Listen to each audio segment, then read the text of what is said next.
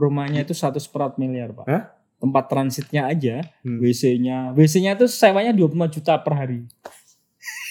Toiletnya Dengar kabar itu ampun. Gila.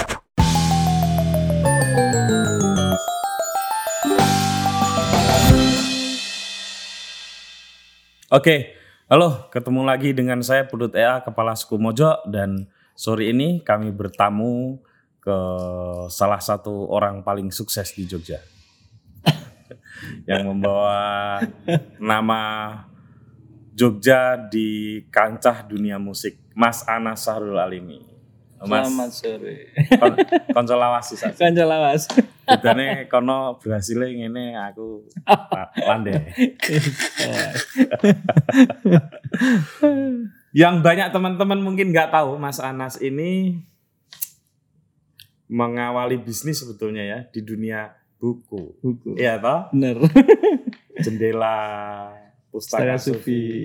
Beranda. Nah, Dan ketika di dunia buku itu sebetulnya juga termasuk sukses berat. Kamuflase mungkin ya. Enggak dulu kok sempat memutuskan bisnis buku dulu gimana? Mas Anas.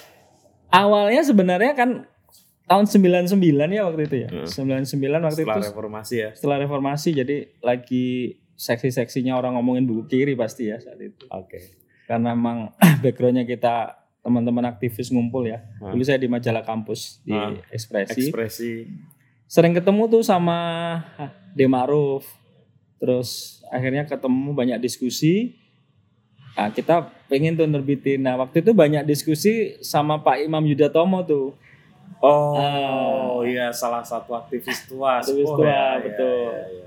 Almarhum ya. Almarhum, almarhum. Almarhum. Nah, Pak Imam ini eh ngasih naskah Mhm. hasil beliau ini konferensi internasional negara-negara sosialis demokrat waktu itu. Mhm.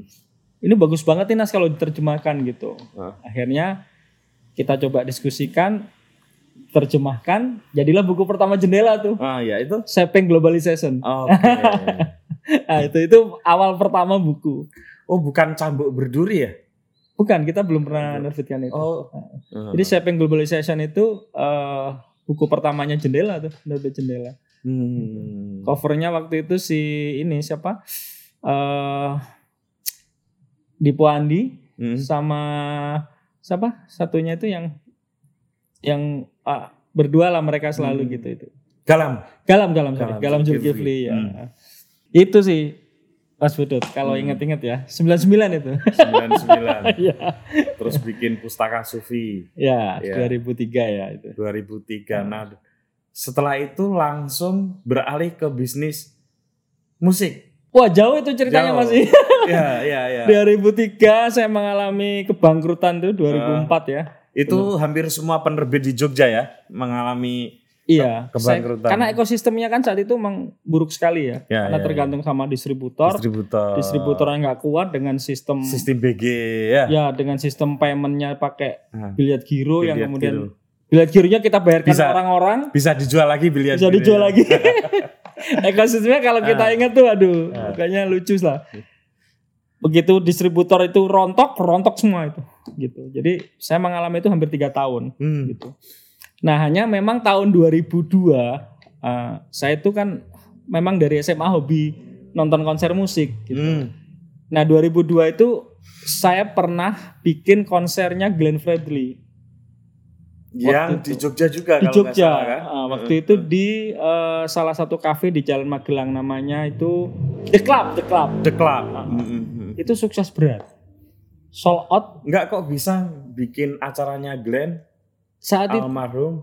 Waktu itu Glenn kan gini eh, lagi keluar albumnya yang menurut saya bagus banget eh, yang Selamat Pagi Dunia itu Hmm, yang Januari itu heeh. hitsnya Hmm. wah ini saya pikir eh, menarik nih gitu nah saya Hmm. kontak lah eh, salah satu manajernya ngobrol dan dia tertarik gitu padahal saya nggak punya background EO kan saat itu Oh. Akhirnya dia setuju saya Nggak. bikin Kok bisa ya? Mereka percaya ya? nah itu yang kita nggak tahu tuh Ah. akhirnya kita bikin dan sold out bahkan ada ribuan orang yang nggak bisa masuk saat itu. Oke. Nah itu pertama kali saya bikin tuh konsernya Glenn. Makanya saya sama Glenn tuh punya historical yang sangat panjang Hmm. sejak tahun 2002 itu. Hmm. Nah sejak saat itu saya bersahabat tuh sama almarhum Glenn Fredly. Hmm. Nah, tapi itu belum dianggap sebagai profesi waktu Bukan, itu. Belum. hanya oke. hobi. Heeh. Eh waktu itu saya pernah eh, waktu bikin itu kan kerjasama dengan The Club itu saya bikin EO namanya Pink Book. Oh, Tetap tahu. aja namanya. Jadi Iya, Pink iya. Book Production. Hmm. Nah akhirnya Pink Book ini Kalau nggak salah yang sempat siapa itu yang tapping main gitar tuh ya Balawan benar ya? Balawan. Oh. Bikin Oke, 10 dewa gitar. Ah, oke gitu. oke oke. Nah itu bercandaannya juga lucu lagi tuh Pink Book tuh ya jatuh juga waktu karena Pink Book gitu. Jadi waktu itu emang pokoknya manajemennya manajemen AWW, awur-awuran. Asal senang aja gitu. gitu. Hmm.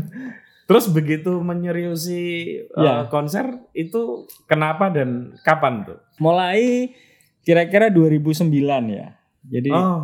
Jadi 2000 saya tuh me- merasakan nikmatnya kebangkrutan tuh mulai 2004 sampai 2007. Itu benar-benar habis lah sampai pada saya menganggapnya keluar dari kutukan saat itu karena benar-benar nggak bisa berubah apa be- bergerak kan gitu. Hmm. Akhirnya 2008 Hmm. eh, saya memutuskan untuk bikin event organizer sama advertising, Hmm. Bung gitu Hmm. akhirnya tanpa bendera ya.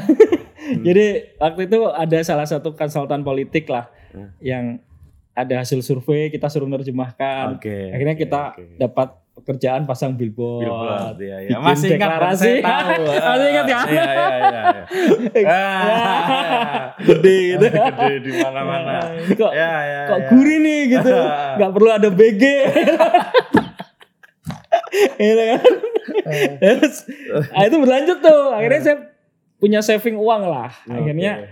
wah karena hobi saya memang nonton konser ya dari dulu. Wah kenapa nggak saya bikin? Nah 2008 saya nonton lah eh, ke Italia waktu itu. Hmm. Eh, konsernya Andrea Bocelli di Tuscany. Keren banget. Saya cuman berpikir, wah kapan bisa bikin di Indonesia ya yang kayak gini. Ah. Jadi landscape gitu, outdoor, backdropnya itu cuman batu ditumpuk-tumpuk gitu. gitu. Saya Itu pikir yang ini mengilhami Prambanan mungkin. exactly.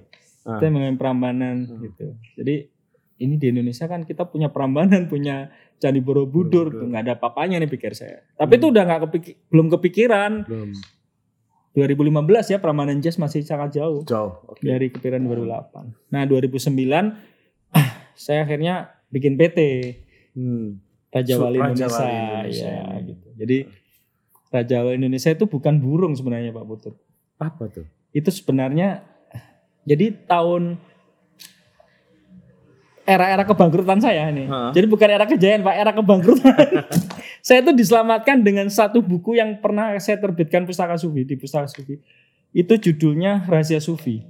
Ah. Yang nyipta yang nulis adalah Syekh Abdul Qadir Jalani. Jadi, Ah. judul aslinya Cirul Asror. Oke. gitu. Nah, kira-kira tahun 2007 itu tiba-tiba ada orang kontak saya. Hmm. Nah, nomor saya itu nggak pernah ganti Pak Putut. Ah, Dari dulu sampai hari ini tuh masih ada nomor Excel ah. gitu. Jadi orang kalau nagih itu masih ada. masih bisa ngubungin saya. Nah, Masih itu bisa. bedanya saya sama Pak Buldan. Pak Buldan kan nomornya bisa 100 nomor ya. Nah, tiba-tiba ada yang pesen buku Eh. gitu. Ah. Pesan buku itu ada Oke. agen agama gitu, agen apa Islam gitu. Eh, Banyak buku banget. Islam lah ya. Iya. Hmm. Kalau dinominalkan miliaran saat itu. Oh ya? Iya. Dan itu mengagetkan. Untuk Gitu. apa? Saya nggak tahu, mungkin proyek ya. Oke, Gitu. oke, oke. Akhirnya saya cetak, saya bisa saving tuh dari situ. Nah, atas dasar itu saya anggap ini yang menyelamatkan hidup saya kan. Saya bisa bayar utang tuh Ah, ah. dengan buku itu. Nah, Oh. si Syekh Abdul Qadir Jalani ini kan julukannya Sultanul Aulia, Sultanul Aulia. rajanya para Iya. wali. Iya. Nah, itulah yang mengilhami saya bikin Raja Wali sebenarnya. Raja Wali. Rajanya para wali. Iya. Jadi makanya saya bikin namanya Raja Wali Baru tahu Indonesia, ini, ya. ini, ini secara brand. Raja Gitu. para wali bener juga.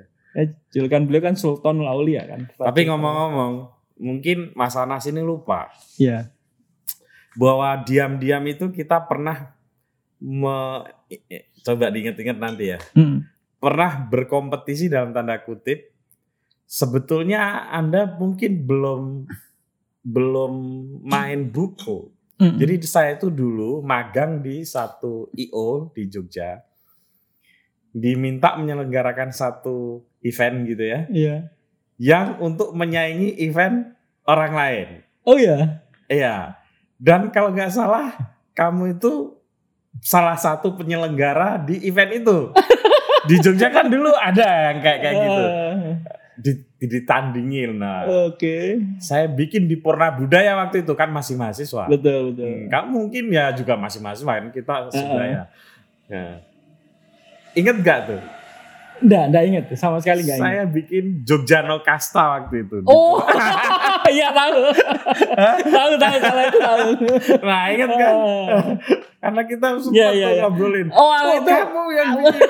Hmm. Nah di situ Iya, saya. jadi inget jadi inget. Jadi saya dulu itu ini mengenal istilah pembunuh bayaran itu Hmm. itu. Jadi ada profesi-profesi tertentu yang Hmm. kita ini apa ya? eh masuk di satu Hmm. bukan gelap-gelap banget sih sebetulnya, Hmm. tapi untuk apa ya menyaingi untuk Ya, ya. berkompetisi di eh, apa event-event orang gitu ya. Tapi itu kayaknya nggak ada lagi itu yang model-model kayak gitu. Enggak, enggak ada sih. Taninya dibikin lebih murah gitu, Iya, iya. tiketnya dibikin lebih. Itu biasanya pesanan sponsor ya. yang anu ya. Eh, saya nggak tahu Mas Hmm. Anas, tapi yang jelas yang IO saya tempat saya magang ini Hmm. yang yang apa meminta itu. Hmm. Jadi sebetulnya Anda itu kan berarti sudah agak lama itu ngurusin konser tuh. Lama sih. Iya. Tanya kan dulu memang enggak belum serius ya. Aha. Mulai serius, mulai tertata itu ya 2009 tuh kita bikin PT. Ya. Tapi mulai bikin musik beneran 2011 sebenarnya. Oke. Nah. Sebelumnya bikin musik nggak beneran ya anu seperti itu aja gitu. Pingin bikin di apa? kafe-kafe di gitu. kafe gitu. Oh. Habis itu saya nggak pernah lagi dan nggak pernah terkonsep dengan baik gitu. Nah Hmm. mulai 2011 saya mulai bikin konser tuh harus terkonsep karena kekuatannya di konsep Hmm. gitu. Sebagus apa pun kalau tidak terkonsep ya akan ditinggalkan orang Hmm. gitu. Makanya waktu itu saya bikin konsep Trio Lestari itu. Oke. Nah, Itu- jadilah Trio Lestari itu konser pertama kami tuh Hmm, hmm, hmm. tanggal 4 Februari Itu di mana itu? di Pentas pertamanya. Grand Pacific. Grand Pacific. Jalan ya? Magelang Jogja. Jadi memadukan konsepnya sederhana. Saya pikir gini, gimana caranya bikin konser yang ceweknya penggemarnya cewek, pasti yang cowoknya ikut nih pacarnya gitu atau suaminya gitu. Ah, Nah ini berarti harus artisnya cowok nih ah, yang punya hits yang digandrungin cewek gitu. ah. Nah waktu itu saya baca di Kompas kan ada satu artis yang dari Jerman orang Indonesia yang suaranya keren banget Sandi Sandoro. Hmm. Saya telepon lah si Sandi Sandoro. Oke mas saya mau ya belum kenal tuh. Hmm. Nah, saya udah deket sama Tompi kan. Hmm. Tompi setuju tuh. Akhirnya, oke mas nih tinggal satu lagi. Tompi kasih ide tuh. Hmm. Gimana karo Glenn? Glenn dihubungi Tompi, oke. Udah, Hmm. jadilah. Waktu itu belum Trio Lestari ya, namanya masih Intimate Konser, Glenn, Tompi, Sandi gitu. Hmm. Hmm. Trio Lestari itu setelah konser kota keempat. Hmm. Dan semuanya sold out mas. Memang memang ditunggu ya saat itu ya gitu. Dan mungkin teman-teman nggak tahu bahwa saya ini pernah agak serius juga menekuni IO. Oke. Nah, karena setelah magang-magang itu akhirnya saya juga bikin usaha. Oh iya? Teman-teman iya Hmm. dan bangkrut. tahu nggak yang bikin kami bangkrut? Apa tuh? Datengin slang. Oh. gitu ya? Jebol ya berarti. Jebol, jebol. Iya, Dan iya. itu ya namanya orang baru selesai kuliah, wah Iya. ambruk bro. Karena konser-konser sebelumnya itu berhasil Betul. bikin kecil-kecilan gitu. Dan itu yang membuat saya nggak mau lagi jadi IO. Hmm. Ya udahlah, jalan saya bukan di situ. Ya. Jebol bro, baru Betul. masuk 2000. Jadi di eh, apa di Kridosono, eh, yang yang dekat kota yang kota baru itu apa? Kerdasono. Kridosono kan? Kan dua pintu sebenarnya. Hmm, betul. Ya karena keterbatasan pengamanan atau apa dibikin satu pintu. Iya, iya. Satu pintu jebolnya itu karena yang di depan dilemparin batu sama yang belakang. Kacau kan? Iya. Wah akhirnya ya udah. Terus polisi bilang "Oh, ini nggak bisa diterusin apa harus masuk ini. Kalau enggak chaos. Masuk. Mestinya BEP-nya 6.000 atau 7.000 waktu itu ya. Nggak bisa ya. Nggak bisa. Yes. Baru 2.000 sekian sudah harus dibuka. Complicated pak memang ngurusin. Ngeri ya. Ngeri. Ngeri banget. Tapi apa yang membuat asik? Eh, yang membuat asik sebenarnya tingkat kepuasannya itu memang Selain saat- duit lah, selain duit. Selain Iya, saat konser kita diapresiasi dengan baik. Ah. Gitu. Media meliput dengan baik, Ah. kemudian eh, penonton membicarakan gitu. Hmm. Jadi saya itu punya selalu punya eh, pesan ke teman-teman, ke tim saya gitu. Hmm. Jangan bikin konser yang habis konser selesai pulang. Orang nggak membicarakan gitu. Jadi harus benar-benar dibicarakan gitu. Hmm. Nah, makanya eh, ketika memutuskan yes or no-nya itu tuh panjang tuh pasti gitu. Selain ngomongin anu ya, hitung-hitungan gitu ya. Iya, iya. Kalau itu sih eh, sudah sudah harus pasca sih, nggak nggak boleh lagi terlibat di situ lagi. Jadi memang harus ngomongin konsep karena sponsor tuh apa pun itu memang tergantung konsep sekarang. Oke. Kalau konsepnya Dan bagus, porto- karena kalau Raja Wali portofolionya Iya. sudah bagus sehingga lebih mudah lah se- untuk, Betul, untuk betul, nyari iya. sponsor kan. Mungkin sponsor malah ngantri sekarang. Eh, kita ngomongin sebelum pandemi ya ya. ya ya Nah, ya begitu sih. Setelah setelah kita berjibaku juga ya. ah, pernah memang bangkrut setelah itu. Oh pernah, saya Ah. pernah bangkrut tahun 2013 ya. Oh. Eh, bahkan tahun 2014 saya putuskan vakum satu tahun itu Raja Wali. Oke, kemudian 2015 jadilah Prambanan Iya. Jadilah, ha, betul. Ah. Gitu. Jadi saya itu mulai 2009, 2013 bangkrut. 2014 saya vakum, kantornya di garasi rumah. Karyawan tinggal dua, Oh. yang satu eh, datangnya tiap hari, yang satu enggak, karena rumahnya di Solo, masih komunikasi. Itu hampir satu tahun, semuanya udah eh, kita rumahkan saat itu. Nah 2015 baru mulai. Itu bangkrutnya karena konsernya rugi. Eh, konsernya rugi pasti. Hmm. Kita waktu itu masih percaya sama namanya investor pak. Oh. Nah sejak saat itu saya udah nggak percaya dengan namanya investor sampai hari ini. Investor itu dalam konteks IO itu apa ya? Bro? Investor itu eh, dia yang duitin. Heeh. Kita punya konsep, Heeh. dia yang punya duit. Heeh. Kita kasih namanya profit and loss PNL. Oke. Dia tertarik. Hah? Nah, lucu. Tapi kalau bang kalau nah, nggak ini kan mestinya dia nggak nagih Nah, dong. itu. kan investor. semangatnya adalah mereka nggak mau rugi. Nah, Nah, berarti bukan investor. bukan investor itu. sebenarnya. Itu yang terjadi. Kalau kan? investor untung Betul. bagi rugi ikut nanggung. Nyalinya beda lah. Ah. Nah sejak saat itu saya putuskan udah nggak pernah uh, mau lah kerja sama. Udahlah rugi ya harus kita tanggung sendiri. Makanya kuncinya di ambisi sih pak. Kalau kita kita nggak boleh ambisius sih sebenarnya. Kalau memang nggak mampu secara hitung-hitungan ya nggak akan kita teruskan. Ah. Gitu. Nah yang membuat dulu itu karena saya ambisi banget. Oke. Gitu. Jadi saat itu kan saya bikin konsep 30 kota Kobo Junior kan. Gitu. Oh, Tuh. yang bukunya juga laris Ya. banget. Kita launchingnya aja di pesawat. Saya kalau hubungannya sama buku agak-agak selalu Iya, nyantel betul. saya. Kobe Junior ini Kobe Junior. mengeluarkan buku juga dan Betul. bukunya laris manis. 20 ribu. Hmm. hanya dalam waktu satu bulan. Dan kita launching di atas pesawat kan. Iya, waktu iya, itu saya sewa pesawat Pak Butut. Wih. Sriwijaya, Boeing. Jadi Ah. satu pesawat. Jadi kita bikin eh, take off-nya konser 30 kota itu konsernya di atas pesawat sekaligus launching buku. Gitu. Keren. Nah, itu. Tapi bangkrut. Nah, pada ke ke-12 kota, kota Hmm. ke-12 Hmm. Nah ini sponsor ada yang mundur gitu. Nah begitu sponsor mundur saya sampaikan investor, investor angkat tangan gitu, narik duit dia. Wah udah Di tengah jalan. tengah jalan, di tengah jalan gitu. Nggak akan tahu, nggak ngerti kondisi kita. Pokoknya saya tarik duit saya gitu. Nah sema- akhirnya uang sponsor diambil tarik sama dia. Nah itu yang itu membuat gimana tuh nyara- cara nyelesain kayak Wah, gitu? luar biasa. Masih 17 kota lagi. Masih Nggak diterusin. terusin pak sampai 30 kota. Nah Oke. akhirnya wah dengan berbagai cara. Nah kesalahan kita satu ternyata dari 30 kota itu tidak semua kota itu sold out gitu. Harusnya Kobe Junior itu di kota-kota memang nggak second city. Iya, iya. Gitu. Nah ambisi saya kesalahannya di. Ah. terlalu ambisius lah. Aha. Gitu. Nah ndelalah banyak EO EO lokal yang mau beli. Nah itu yang nyelamatin pak. Jadi misalnya Lombok ada EO sana mau beli, ya udah kamu beli gitu. Ah. Jadi kita cuman sebagai pemegang promotor. Iya, iya, iya. Ininya, Paham, payungnya paham, gitu. Iya, iya, iya. Nah, dari total 12 itu 18 lagi. Nah. Itu saya cuma menyelenggarakan 6, lainnya saya jualin. Gitu. Nah, itu. Dan itu yang ngomong- akhirnya. Ngomong-ngomong Mas Anas ini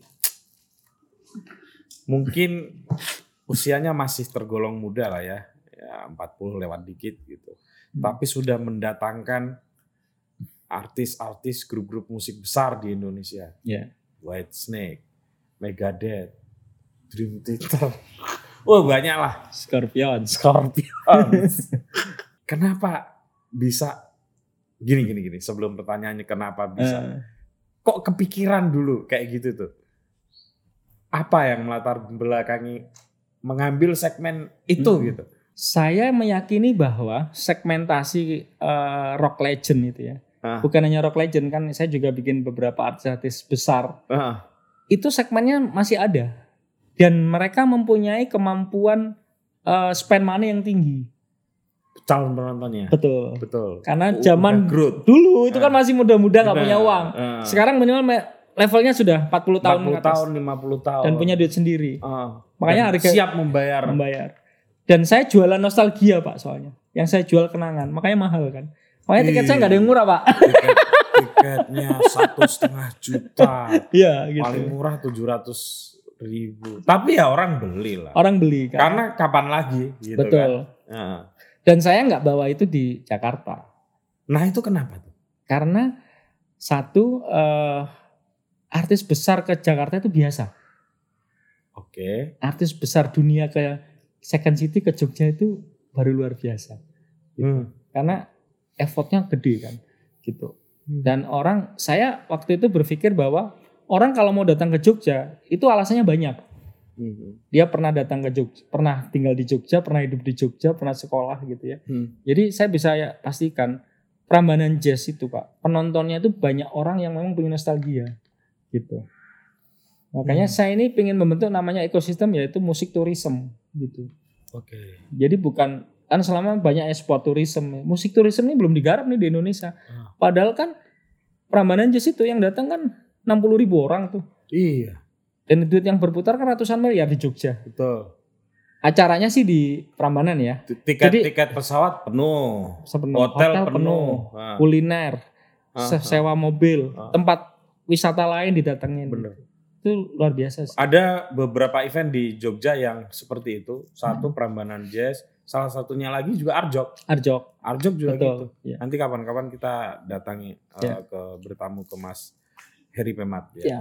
Karena Prambanan Jazz maupun Arjok ini begitu Mm. berlangsung penerbangan penuh, Penuh. Ya. hotel penuh. Jadi impactnya ke ke perekonomian itu gede banget. Gede banget. Jogja. Betul. Iya bener lah, Iya. ratusan miliar lah itu mungkin berputar. Betul.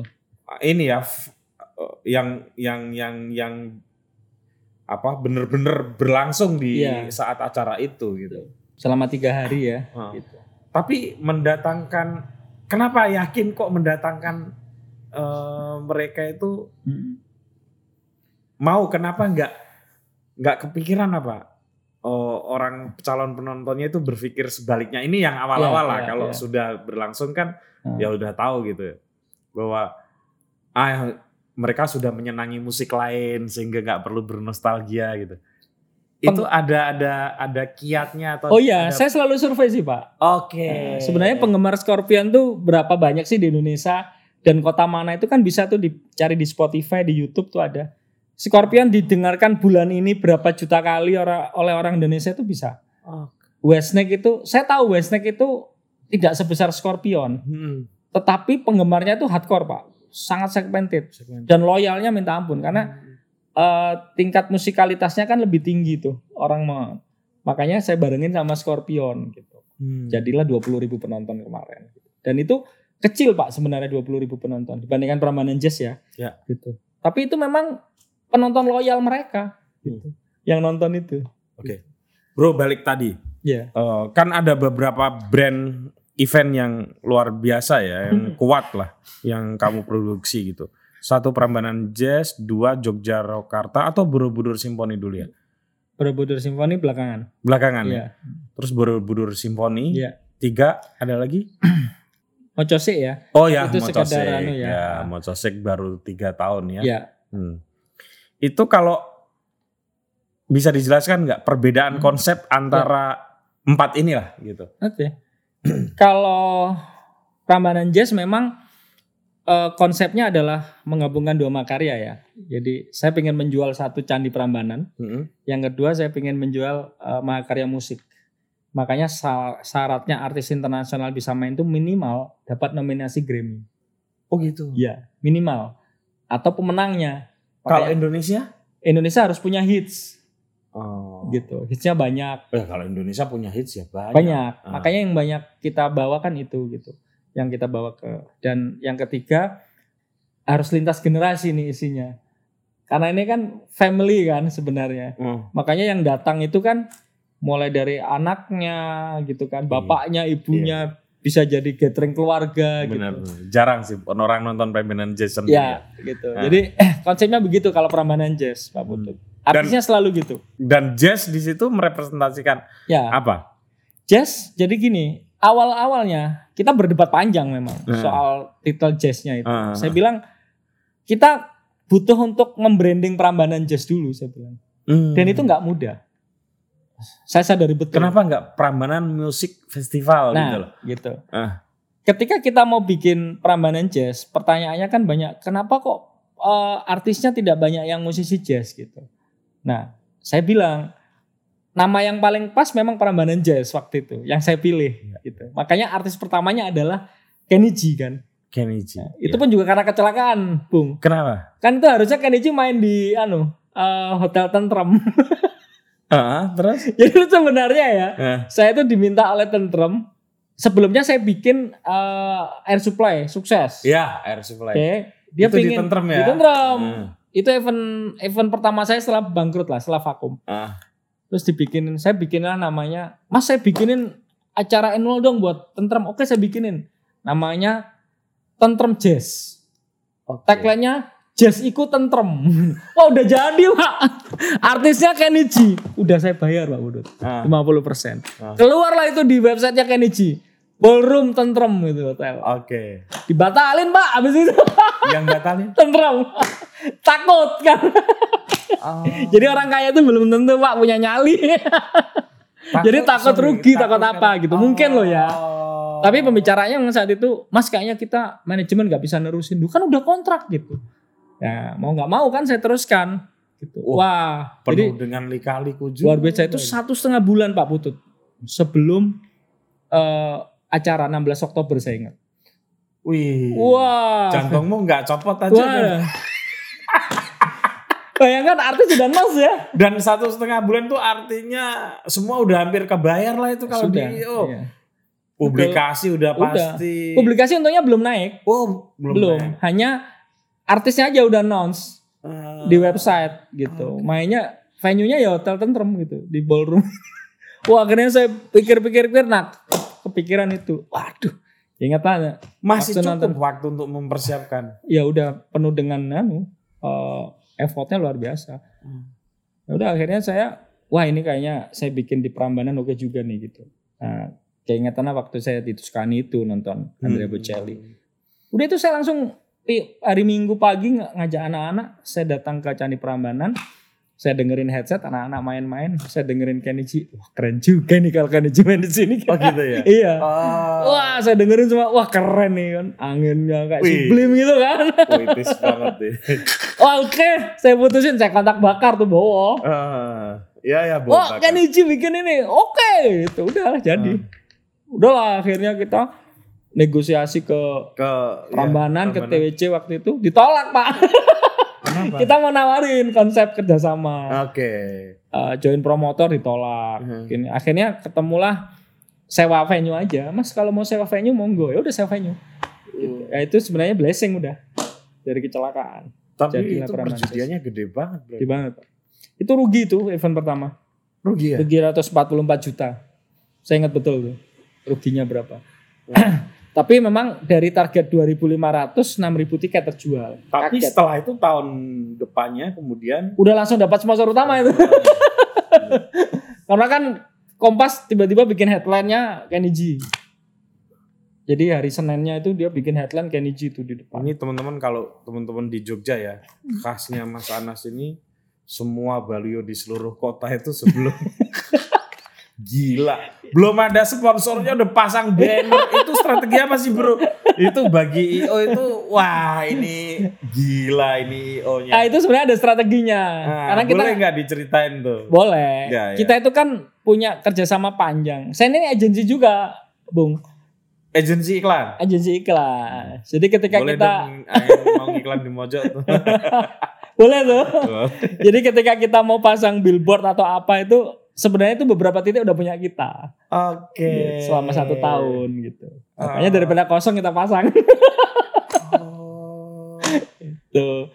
Yang kedua, ketika kita udah dapat sponsor, itu kan mereka pasang sendiri, Pak. Gitu. Iya. Tapi kita minta titiknya kita yang nentukan. Sini sini sini. Makanya sebagai orang yang pernah magang dan gagal jadi IO saya ini ini gila ini Anas ini. Gimana masih dua bulan udah Iya. udah di kanvas semua ini seluruh kota Jogja. Belum belum ada ini, belum ada peng- apa sponsornya.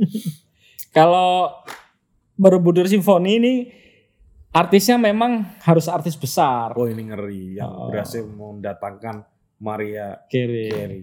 Tuh, Yang Maria konon Carey. WC-nya aja berapa ratus juta gitu ya. Iya. Rumahnya itu satu seperat miliar, Pak. Hah?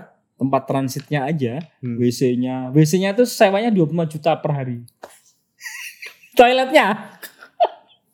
Rumahnya itu kan Aku di dengar kabar itu ampun gila. Tapi datengin Maria Carey. Iya, itu juga luar biasa sih kita dapat itu gitu. Hmm. dan efeknya emang dahsyat begitu kita datengin itu. Jadi saya kan bermimpi event saya di Borobudur di Prambanan ini bisa jadi diplomasi budaya ya. Iya, iya, iya. Karena itu jadi promosi yang murah, Pak Butut. Kenapa? Karena otomatis kan saya kan hanya bayar mereka sebagai performance right. Heeh. Tapi kan mereka posting. si Maria Carey tiba-tiba posting bagaimana, eh aku di Beautiful Temple Borobudur. Orang jadi tahu. gitu. Enggak gini deh. Maria Carey kok mau-maunya? Gimana tuh membangun kepercayaan ke dia? Nah ini Pak, eh, jadi kalau Sorry, artis Hmm. Mengingat tadi itu, bahkan WC-nya aja Hmm. sehari 25 juta gitu. Artinya kan dia standar tinggi banget. standar tinggi. Hmm.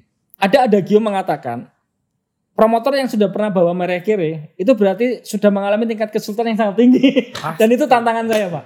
Aku pengen buktian betul tuh, bener nggak gitu? Ternyata bener.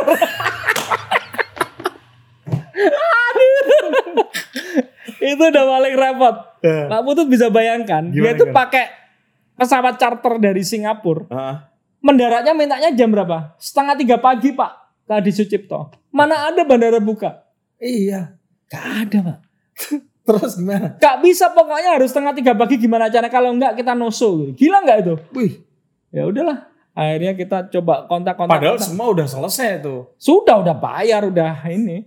Udah kontrak, udah promo udah naik. Iya. Jadi mendarat dari Singapura itu ke Jogja setengah tiga pagi, pulangnya juga jam 2 pagi. Jadi saya harus buka bandara yang bukanya jam setengah lima pak. Akhirnya gimana solusi? Ya bisa juga. Buka Adi Sucipto. Iya, jadi, jadi katanya dan Lanut presiden aja nggak pernah lunas ya. Tolonglah bang, ini demi Indonesia nih. ini demi negara nih di tingkat internasional gini. Ya bisa juga. Sal. Sampai bandar lo bisa digitu. ya alhamdulillah ada aja jalan ya teman-teman kita gitu ya. Jadi eh AP1 kebetulan suaminya teman SMA satu kelas. Dibantuin, oh tak bantuin gitu. Dia lupa. Beres katanya. Dia lupa kalau Bandara Dusito punyanya TNI AU. Ampun katanya, wah PR lagi nih. Saya mikir gimana caranya. Saya tuh lupa kalau berteman baik sama Dan Lanut. Hmm. Akhirnya dibantu. Alhamdulillah gitu. Selesai. Ya, kayak gitulah salah satu kesulitan-kesulitannya. Enggak tahu nggak alasannya kenapa harus jam segitu dan pulangnya juga harus jam segitu gitu. Kok aneh banget. Kayaknya menyesuaikan penerbangan sih. Oh, Mereka ke Amerika. iya. iya. Kayaknya gitu. Memang luar biasa sih. Jadi kalau memang Borobudur Symphony konsepnya memang memadukan dua karya tapi artisnya ini benar-benar cuma satu artis. Kalau Prambanan Jazz kan festival nih Hmm. banyak. Ini cuma satu artis dan harus gede banget. Saya Hmm. kalau nggak gede nggak mau. Nah, makanya ada Siapa tuh misalnya yang Westlife udah kan kemarin. Oh, Westlife. Westlife itu fenomenal ya. Heeh. 5 menit sold out gitu. Terus saya bikin lagi di eh, Sampokong 3 menit Pak sold out. Itu. Westlife itu kemarin. Nah ini nah setelah konser itu tiba-tiba saya di email sama John Legend pengen main di situ. Jadi email dia gini, agentnya yang ngontak saya. Anas John Legend pengen main di, di candimu kan. dia pikir candi punya saya kan. Dan kami terbangun komunikasi akhirnya John Legend. Mereka pengen banget main di eh, candi. Jadi kelasnya sudah begitu kalau Borobudur Symphony. Karena kan handicapnya gede pak kalau di Borobudur. Apa sih Jarak. bedanya bedanya antara Borobudur dengan Prambanan tuh kalau dari sisi teknis penyelenggaraan acara deh. eh sebenarnya kalau dari teknis masih sama aman Hmm, ya. hmm. Tapi dari sisi view memang eh, lebih dekat dengan Prambanan. Prambanan itu kan di zona 1. Anunya. Jadi mereka tuh ada zona 1, zona 2. Oh, karena heritage. Ya, oke, heritage. oke, oke. Wah, itu kan perizinan persoalan tersendiri kan, Iya, tahu iya, sendiri lah Pak Putut. Hmm. Kemudian kalau di Borobudur harus zona 2, nggak boleh di zona 1. Itu mutlak tuh. Gitu. Jadi jaraknya memang eh, agak jauh Oke. dikit lah, tapi Ah. kelihatan. Kelihatan ya. Cuman kan bagi penonton jaraknya jauh. Sana kan satu setengah jam.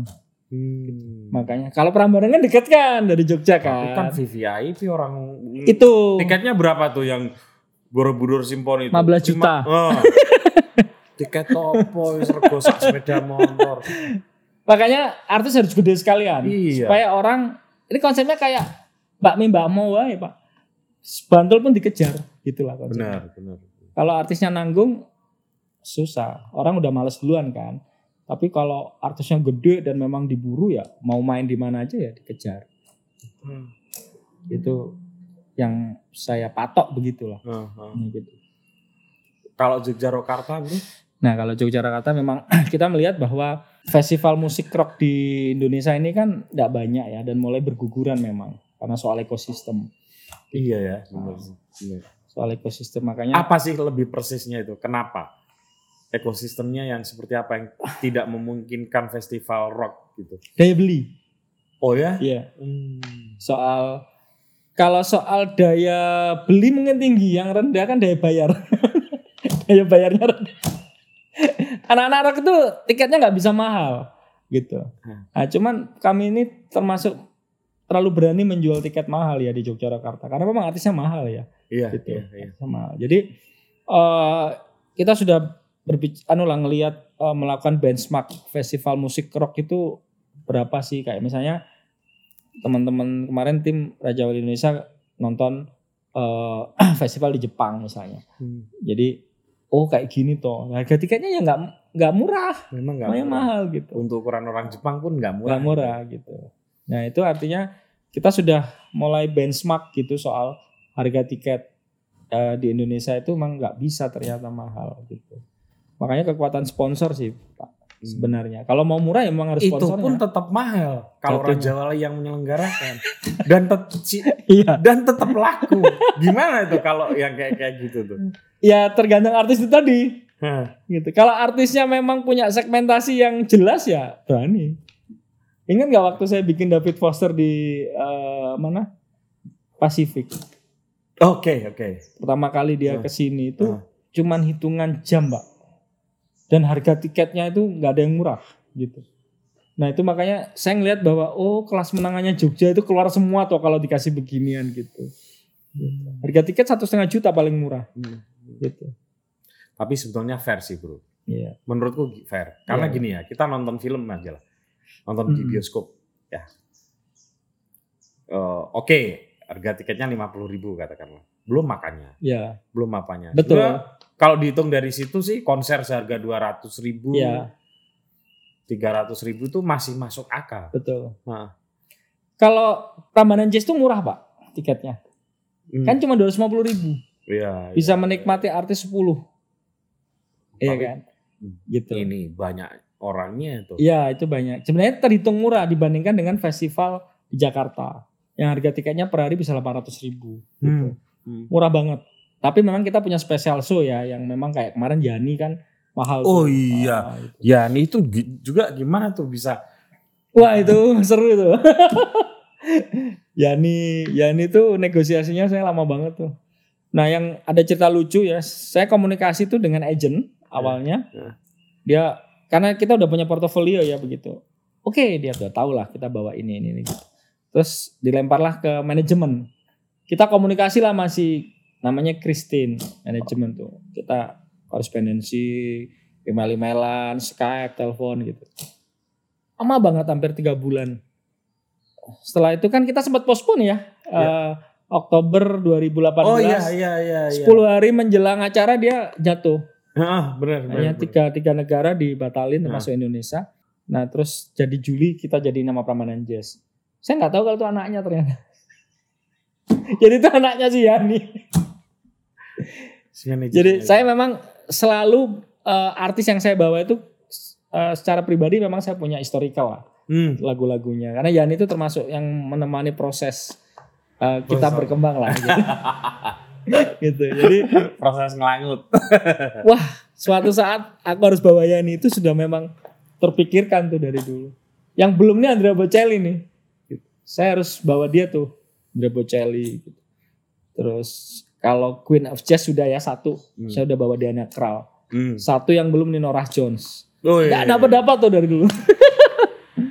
Tapi dengan seluruh portofolio yang kamu miliki mestinya menghubungi artis semakin mudah ya. Mudah Bener sih. nggak? Mudah. Kalau itu eh, Insya Allah, Alhamdulillah ya sudah Iya. mudah. Hanya kadang-kadang jadwal nggak ketemu, gitu. Ah. Harga nggak ketemu, Oke. gitu. Karena ketika one one one man show, ah one show gitu, one off show, Hmm. itu harganya terlalu mahal, Bro, gitu. brand jadi. Berarti kan sponsor ngantri, Hmm. Iya kan? Penonton mau ngeluarin tiket dengan harga tinggi. Iya. Berarti tingkat kerugiannya makin minim dong. Eh, brand yang mana dulu nih? Ya kan hampir semuanya jadi tuh. Prambanan Ah. Jazz, Jogja, Nah, Rokarta. gini, kalau Prambanan Jazz bisa dibilang ya setelah tahun ketiga. Oh gitu? Ya, setelah tahun ketiga itu sudah bisa bicara begitu. Hmm. gitu. Untuk Borobudur, Borobudur Simfoni ya memang baru pertama kali gitu gue sponsor udah ini. Bahkan ada salah satu brand tuh membeli 3000 tiket, Pak. Wih. Untuk nasabahnya prioritas gitu. 3600 malah. Itu dibeli. Itu yang mereka kiri ya. Hmm, Gitu. hmm, yang mereka kiri. Nah, kalau Yogyakarta itu belum, Pak. Yogyakarta itu masih dalam proses bikin brand gitu. Hmm. Karena itu ya tadi yang saya sebut, sponsor tidak mudah. Saya itu tidak mau sponsor alkohol Hmm. gitu. Padahal rock kan istilahnya memang identik dengan alkohol kan. saya bilang kalau nonton konser saya ya nonton ini konser festival rock syariah. kalau mau minum minum aja di luar. Minumnya Kalau kita nggak nyediakan gitu. Iya. Kita memang menolak Iya, gitu. Iya, iya, iya.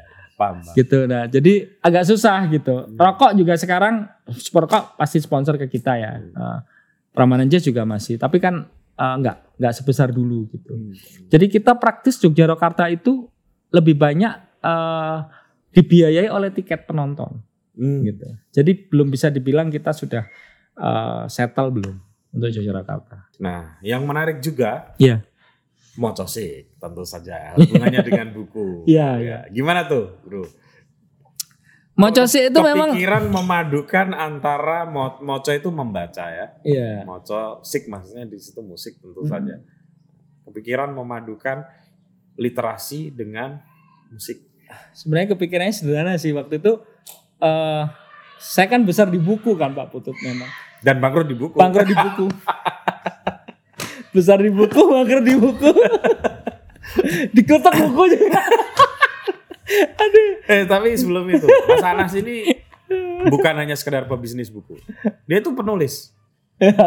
Tulisannya bagus-bagus, tulisannya bagus-bagus dan sering nongkrong di Kompas. Terakhir tulisannya keren banget yang soal sepeda itu. Sepeda yang brompit ya. Iya.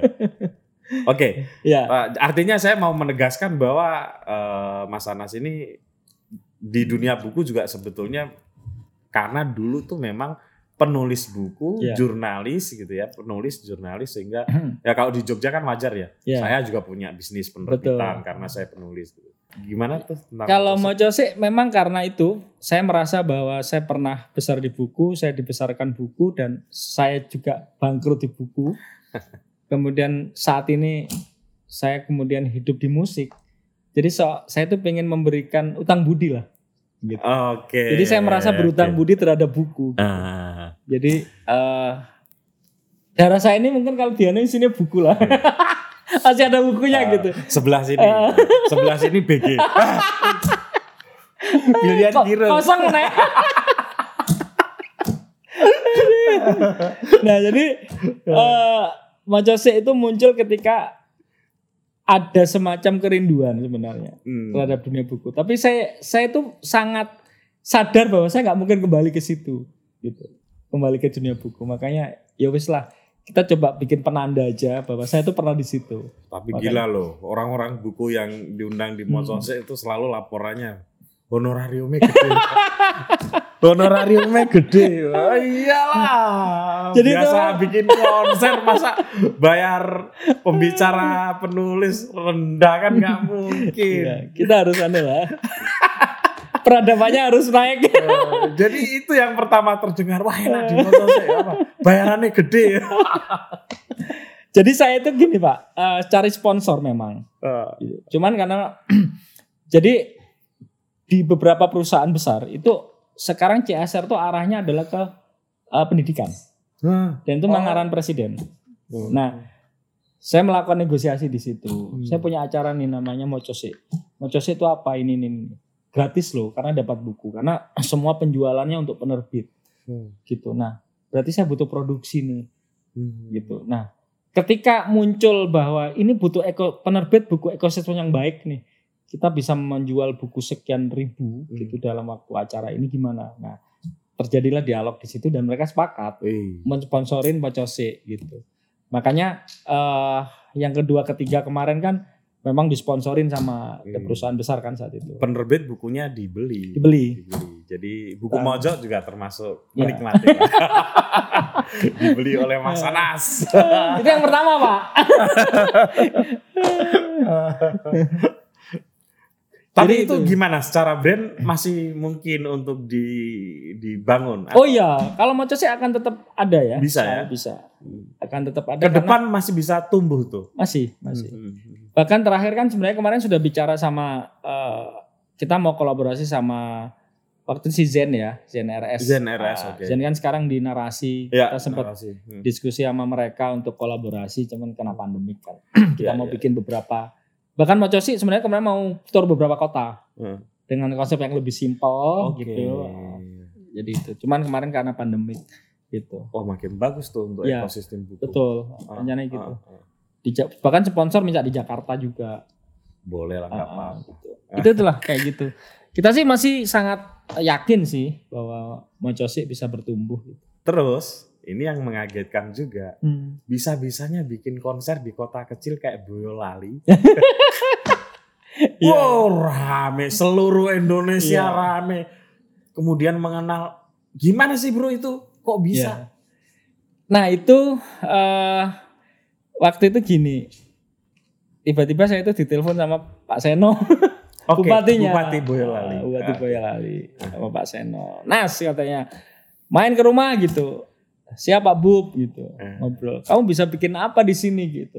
Saya bikin festival Pak Bub kalau mau gitu. Siapa artinya? Artinya harus gede. Biar Boyolali ini terkenal seluruh dunia. bisa gitu. ngomong kayak gitu. Ya bisa aja. Enggak, Tapi saya apa, bilang, apa keyakinannya apa tuh? eh, karena bagi saya Pak, musik itu paling gampang. Maaf maaf saja ya. Iya, Boyolali itu kan bukan kabupaten besar, betul ya. ya kan?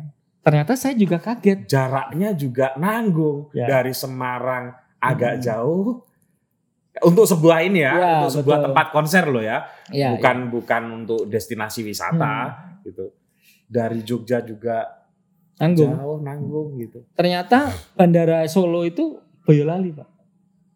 Bukan di Solo. Saya baru tahu.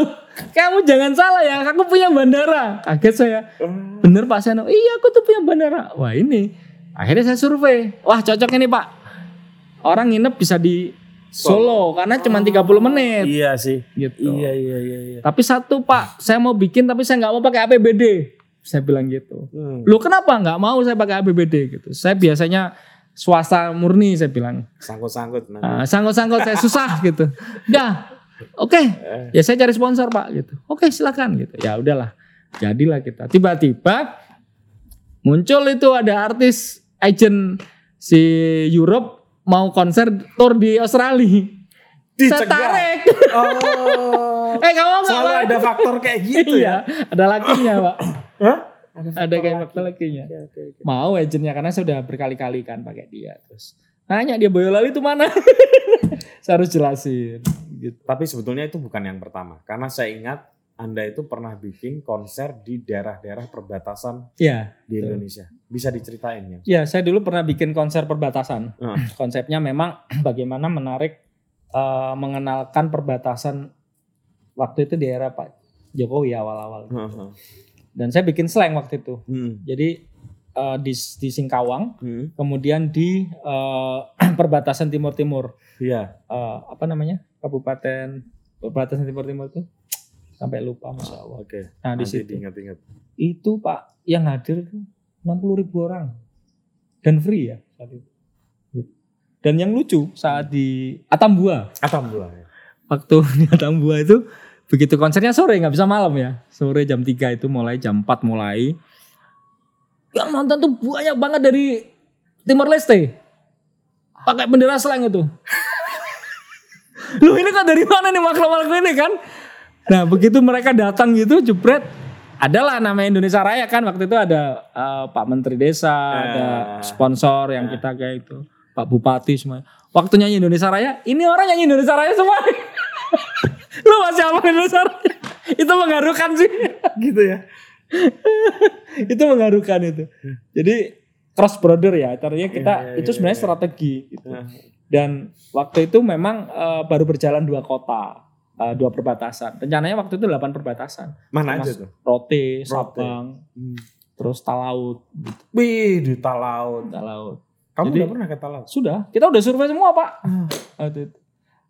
Keburu menterinya di reshuffle. Waktu itu. Enggak bayangin tuh aku ada konser gede di Talaut. Iya. Nah, Dan itu alatnya kita bawanya dari Kupang. Yang Sound nih. yang Atambua. Oh. Yang di Singkawang kita bawa dari Pontianak. Gitu. Ya gitu. Jadi ya. eh, Ya kalau kalau kalau oke masih bisa kebayang ya. ya. Cuma nanti yang di Talaut kamu mau bawa alatnya dari Makassar atau Manado? Manado. Manado. Kalau itu ternyata nggak banyak penduduknya. Iya, Ah, iya, iya. nggak banyak. Aku pernah penelitian di sana. Ya, iya. Makanya bisa, wih, konser di mana? Tengah kebun cengkeh. Konser perbatasan. ada nggak masih ada nggak keinginan untuk bikin konser atau brand konser Iya. yang baru gitu? Ada. Dan sebenarnya Masih rahasia? Nggak? bisa aja kita bikin. Oke. Saya sebenarnya lagi bangun kafe, Pak. Eh, Hah? lagi bangun kafe lah, kafe. Eh, Prambanan Jazz Cafe namanya. Gitu. Nah, Oh yang di ini ya, dekatnya Marisin. ya sebelahnya. Oh, tahu tahu tahu tahu. tahu. Sebelahnya. Jadi kita mau bikin Prambanan Jazz Cafe, di situ ada amphitheaternya. Gitu. Oh, Buat ya? musik, eh, jadi musik konser gitu. Mini mini Mini konser ya. ya, 300 sampai 400 orang lah. Oh cukup ya. Nah, kita bikin amphitheater, Amphitheater gitu. ya? Amphitheater. Oke. Itu sebenarnya terinspirasi waktu eh, saya datang ke Ronnie Scott di London di Soho gitu di London. Itu yang main Pak itu kecil banget tapi yang main Norah Jones, Ajeru. Semua artis dunia jazz itu udah main di situ. Di Hmm. Soho, di Ronnie Scott itu namanya. Legend banget. Hmm. Nah, saya pengen ini lah, cita-cita gitu. Nah, Hmm. besok ini launchingnya eh, sebenarnya saya sudah ada satu nama brand festival. Hmm. Nah, mau saya bikin buat pembukaan kafe ini gitu, Hmm. tujuh hari. Namanya Mantan Festival. Jadi kan mantan calon juga banyak gitu kan. Kayak semua orang punya mantan kan. Ba- banyak banget. Jadi namanya Mantan Festival Pak Putu. Nanti pengisi acaranya juga mantan vokalis band apa, mantan istrinya siapa gitu konsepnya. Kamu tahu nggak Anas kalau dulu Iya. itu di Jogja itu ada festival lucu banget. Festival melupakan mantan. Festival Bukan. patah hati. Oh, lupa aku kali itu. Oh iya ada ya. Keren itu Iya sebenarnya. iya. iya. Anak-anak muda jadi kerjasama ada dengan beberapa kafe. Hmm. Terus apa? eh, ya itulah memor- memorabilia mereka Betul. dengan mantan mantannya Iya gitu. iya. dipajang di situ lucu lucu Iya, banget. Ya cuman karena mungkin yang ngadain mahasiswa ya. Iya iya. Mungkin hanya dua kali atau apa terus berhenti. Tapi sebagai sebuah konser tuh keren Hmm. Iya. banget. Karena aku lihat, wah keren. Ya kita berpikir emang di situ ada eh, jual barang mantan. Barter barang mantan gitu. Pokoknya festivalnya yang gitu-gitu. Nah rencananya nanti eh, launching cafe itu saya mau pakai festival itu. Karena kondisi kan masih pandemi. Oke, kalau misalnya kondisi nggak pan- pandemi gitu ya? Saya bikin gede tuh. Ah, oke. Nggak, ini kalau misalnya kondisi nggak pandemi ini, Hmm. Iya. ini anu apa? Bikin misalnya kalau misalnya lagi ada Prambanan Jazz itu berarti Mas Anas itu tinggal ngitung batinnya aja ya? Iya nggak sih? Ya, enggak juga. Enggak juga. Enggak juga. Ah, Enggak juga, Pak. masa masih ada persoalan perekonomian yang harus dipikir di Itu situ? kalau nggak di state dulu di awal bisa kejadian kayak dulu. kan oh, artisnya kan harus tapi nggak dulu. Iya, kan sampai artisnya harus harga sekian tuh harus kita pikir dulu. Iya. Baru-baru bisa Enggak, tapi resiko finansial drop itu enggak. Enggak, enggak. Insya Allah sudah inilah. Karena kita sudah tahu sponsor kita siapa. Heeh. Penontonnya jelas, Jelas, gitu kan. Heeh. Saya itu pernah tes case jualan Prambanan Jazz tanpa artis, Pak. Hanya tanggal. 3000 tiket habis. Saya target cuma 1000. 3000 orang yang beli. Jadi tanggal doang. Jadi tes case brand gitu. Early bird waktu itu namanya kan early bird. Early bird. Ya. Saya coba, oh ternyata orang ya wes kita jualan lagi aja gitu. Bisa bird yang kedua. Tapi kalau ekosistem konser musik sendiri di Indonesia itu ya. apa sih yang masih belum belum matang atau masih banyak tantangannya? Ada nggak sih? Banyak pak, Apa? banyak Misal- banget. Jadi memang eh, pemahaman teman-teman promotor atau EO itu kadang-kadang belum tuntas gitu.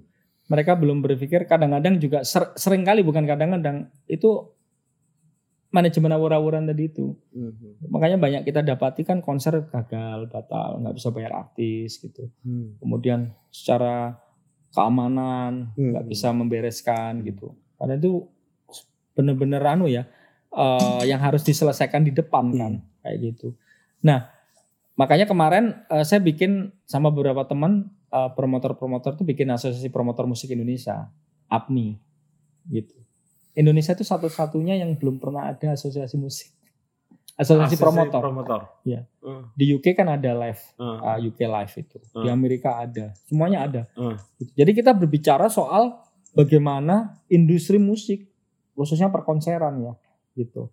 Bayangkan kemarin ketika terjadi pandemik, mereka kan demo itu uh, si asosiasi di UK. Digelontorin tuh berapa uh, pounds, juta pounds sama pemerintah Oke. untuk uh, tenaga panggungnya, buruh panggung, kru gitu. Hmm. Itu kan mereka nggak dapat apa-apa kondisi begini. Hmm. Gitu. Nah, makanya kemarin kita bikin asosiasi ingin membenahi ekosistem soal uh, pajak gitu ya. Itu juga soal yang sangat uh, beresiko gitu. Bukan berisiko ngeri banget. Ngeri banget. Ngeri banget pajak. Aku ingat waktu dulu sejak magang di magang jadi IO itu bro. Iya. Wah cindol iki orang duwe resiko pengen tok duitnya tok. Bener gak? Bener. Pikiran kita kan gitu Bener. kan. Ini nggak nanggung risiko apa-apa dapat Bener. se- saja nih. Bayangkan Pak, eh tiket itu kan kena namanya pajak korporasi. Korporasi. Dan itu masing-masing daerah nilainya beda-beda. Oh, Jogja udah tinggi. Jogja masih rendah. Masih rendah. Bagus. Hmm. Jogja itu cuman 10%. Bagus. Bantul tinggi. Hmm. Bantul tuh 25 kalau nggak 30. Oh ya? Kurang gitu. Gede. Makanya bikin event di JSC itu ngeri-ngeri sedap tuh. Surabaya itu tinggi. Sleman, Makassar. Sleman, Sleman, tempat Sleman tinggal. masih oke 15. masih oke ya. Klaten Oh, tapi oke. lebih tinggi dibanding Jogja berarti ya? Iya, masih oke. Nah, yang saya agak heran, Pak Presiden ini kan mengatakan bikinlah investasi sebanyak-banyaknya ya ketika Hmm. di daerah. Tetapi malah justru Perda itu nggak mendukung. Ada loh yang 40% Pak. Buset. Di Sukoharjo. Terus gimana Makanya kan nggak mungkin kita kan bikin di sana kan. Kita sebagai promotor ada mendatangkan 40%. uang 40 25 Pajak persen korporasi. aja nggak masuk akal. Nggak masuk akal. Iya kan? Nggak masuk akal. Ya Jakarta- ini ilmu, ilmu pernah magang Iya. dan pernah gagal. Lo 10% itu masih bisa lah diukur Iya. ya. Tapi kalau okay. dua, di atas 20% tuh Bandung Kulon tuh 35 persen. Ngeri pak. Terus penonton sang suruh bayar kan harus bukan kita kan. pasti Harga tiket harganya mahal. jadi tinggi. Siapa yang beli? Oh.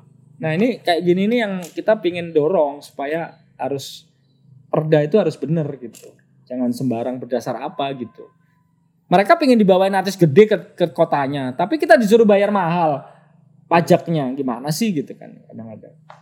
Itu sih pak yang banyak. Masih banyak banget lah persoalan-persoalan industri ekosistem industri musiknya di Indonesia itu banyak banget. Oke, terakhir bro. Iya. Karena udah satu jam lebih. Eh, kalau ada orang anak muda Hmm. yang mau bisnis eh, event organizer, Iya. apa yang bisa kamu sampaikan? Eh, event organizer atau promotor pak? Agak Itulah. berbeda nih. Oh, agak berbeda. Kalau kayak kamu tuh apa? Aku Dua-duanya. promotor. promotor. Iya promotor. EO juga ada. Oh. EO itu relatif tidak beresiko. Kalau menyelenggarakan perambanan jazz itu disebut Promotor musik, Oke. musik promotor. musik promotor. Gitu. Bedanya Kalau EO itu biasanya kita sudah punya klien, klien sudah punya template. Oh. Aku pengen bikin ini konsep Oke, dari kita. berarti musik promotor nih yang, Ah, yang aku musik maksud. Berarti konsep itu dari kita. Iya. Maksud itu yang itu. Ah, Terus kita cari apa semua sendiri gitu. iya. Itu apa pesannya? Yang pertama ya jangan eh, satu jangan ambisius pasti. Hmm. Karena ini awal mula nih. Karena kita kerja, kalau ini sudah ngomongin kerja, cari duit, Hmm. kita nggak cari keplok tangan, Oke. kita cari duit. gitu. Ah. Keplok tangan tuh bonus aja gitu. Iya, kasih tepuk tangan kalau bangkrut Ah, ngapain? Ngapain gitu. Nah kadang-kadang kita itu masuk di situ gitu. Hmm. Wow, apa bahasa Jawanya dilulu ya, di Iya, gua iya. gitu. Disorakin, kasih Yang- tepuk tangan. Betul. Yang kedua memang konsep ya, harus matang betul. Gitu. Hmm. Pokoknya kekuatannya itu pasti di konsep. Hmm. Kalau konsep matang, udahlah sponsor, oh penonton itu pasti datang gitu. Nah yang ketiga ini soal manajemen nih harus penting. Hmm. Soal hitung-hitungan ya. Gitu. Makanya perlu dibikin namanya CE cost estimate, dibikin PNL profit and loss Hmm. gitu. Jadi saya kan punya rumus pak. Hmm, gimana? Kalau sudah 60% plus satu untung 100 ribu saya jalan. gimana gimana? 60 persen. Jadi dari 100% tiket terjual, Oke. 60% terjual plus satu 100 ribu Heeh. itu jalan. Ah, Kalau enggak enggak berani. Gitu. gitu ya. Ah, ada rumusnya. Itu- Dan itu rumus ditemuin sendiri ya. Cuma sendiri.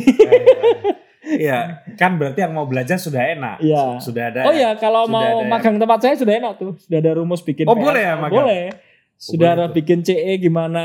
Hmm. Kita udah tahu kok eh, biaya biaya keamanan itu paling tinggi berapa udah tahu. Gitu.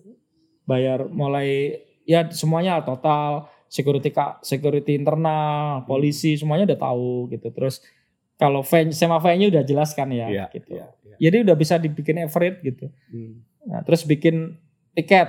Tiket tuh 100% kita jual kita bikin biasanya eh, namanya PNL tuh terjual sold out 100% tuh nilainya sekian. 90% sekian, 80. Kalau udah 50% minus tuh. Dan itu nggak ada tik- nggak ada sponsor, Pak, nggak kita masuk. Oh. Jadi saya tuh selalu 60 pikir- plus satu itu nggak ada sponsor. Ada 60% plus satu. 60 persen plus satu. Sponsor tuh hanya bonus. Hmm. Di PNL tuh nggak boleh masukin sponsor. Karena Hmm. sponsor itu menurut saya itu rahasia Tuhan keempat, Pak. Sponsor itu. itu misteri Tuhan keempat itu. Hmm. gitu. Karena kadang-kadang sponsor itu kalau sebelum tanda tangan itu udah pasti jangan dianggap masuk kan. Benar. Nah, tetapi saya selalu mengatakan produksi konser kita 80% harus sudah tercover oleh sponsor. Gitu. Oh. Oke. Tapi waktu ngitungnya yang 60 plus 1 Belum itu ada, dianggap belum ada. belum ada. Gak berarti boleh. tapi ngitung di sisi yang lain Iya. Oh, berarti Iya. batinnya wakaf. amannya Pak maksudnya. Dari sisi amannya begitu. Karena kalau sponsor eh, nggak mengcover 80% harga tiketnya terlalu mahal. Iya, iya, iya. gitu. Makanya kita berani jualan uh, Pramanicas cuma 250 ribu ya karena sponsornya udah kita masukin gitu. Intinya gitu. Nah, terakhir banget. Iya. Untuk mengantisipasi faktor resiko terburuk, apa saja yang harus diperhatikan dari sekian resiko yang namanya juga konser langsung gitu Iya. Asuransi, loh, bro. Pak. Oke. Semua konser saya saya asuransikan. Oke. Artis batal datang saya sudah asuransi. Penonton saya asuransikan. Misalnya terjadi fast major sudah asuransi gitu. Hmm. Jadi nah asuransi itu di Indonesia nggak ada, itu di London. Hmm. Jadi kita bikin asuransinya di sana gitu. Misalnya Amin satu artis nggak bisa datang. kita mengalami kerugian sekian itu diganti pak. Hmm. gitu. Jadi itu paling buruk. Iya. Kita sih berharap enggak ya. Oh, ya, Allah. iyalah. Iya. Bahkan kayak eh, asuransi artis kan ada sendiri ya Iya. dari pihak agent minta. Jadi Hmm. kayak Scorpion kemarin juga harus minta sekian preminya gitu. Jadi kalau sampai dia sakit meninggal di sini wah itu eh, kita harus Benar sih. itu syarat kita bikin asuransi. Iya. Gitu.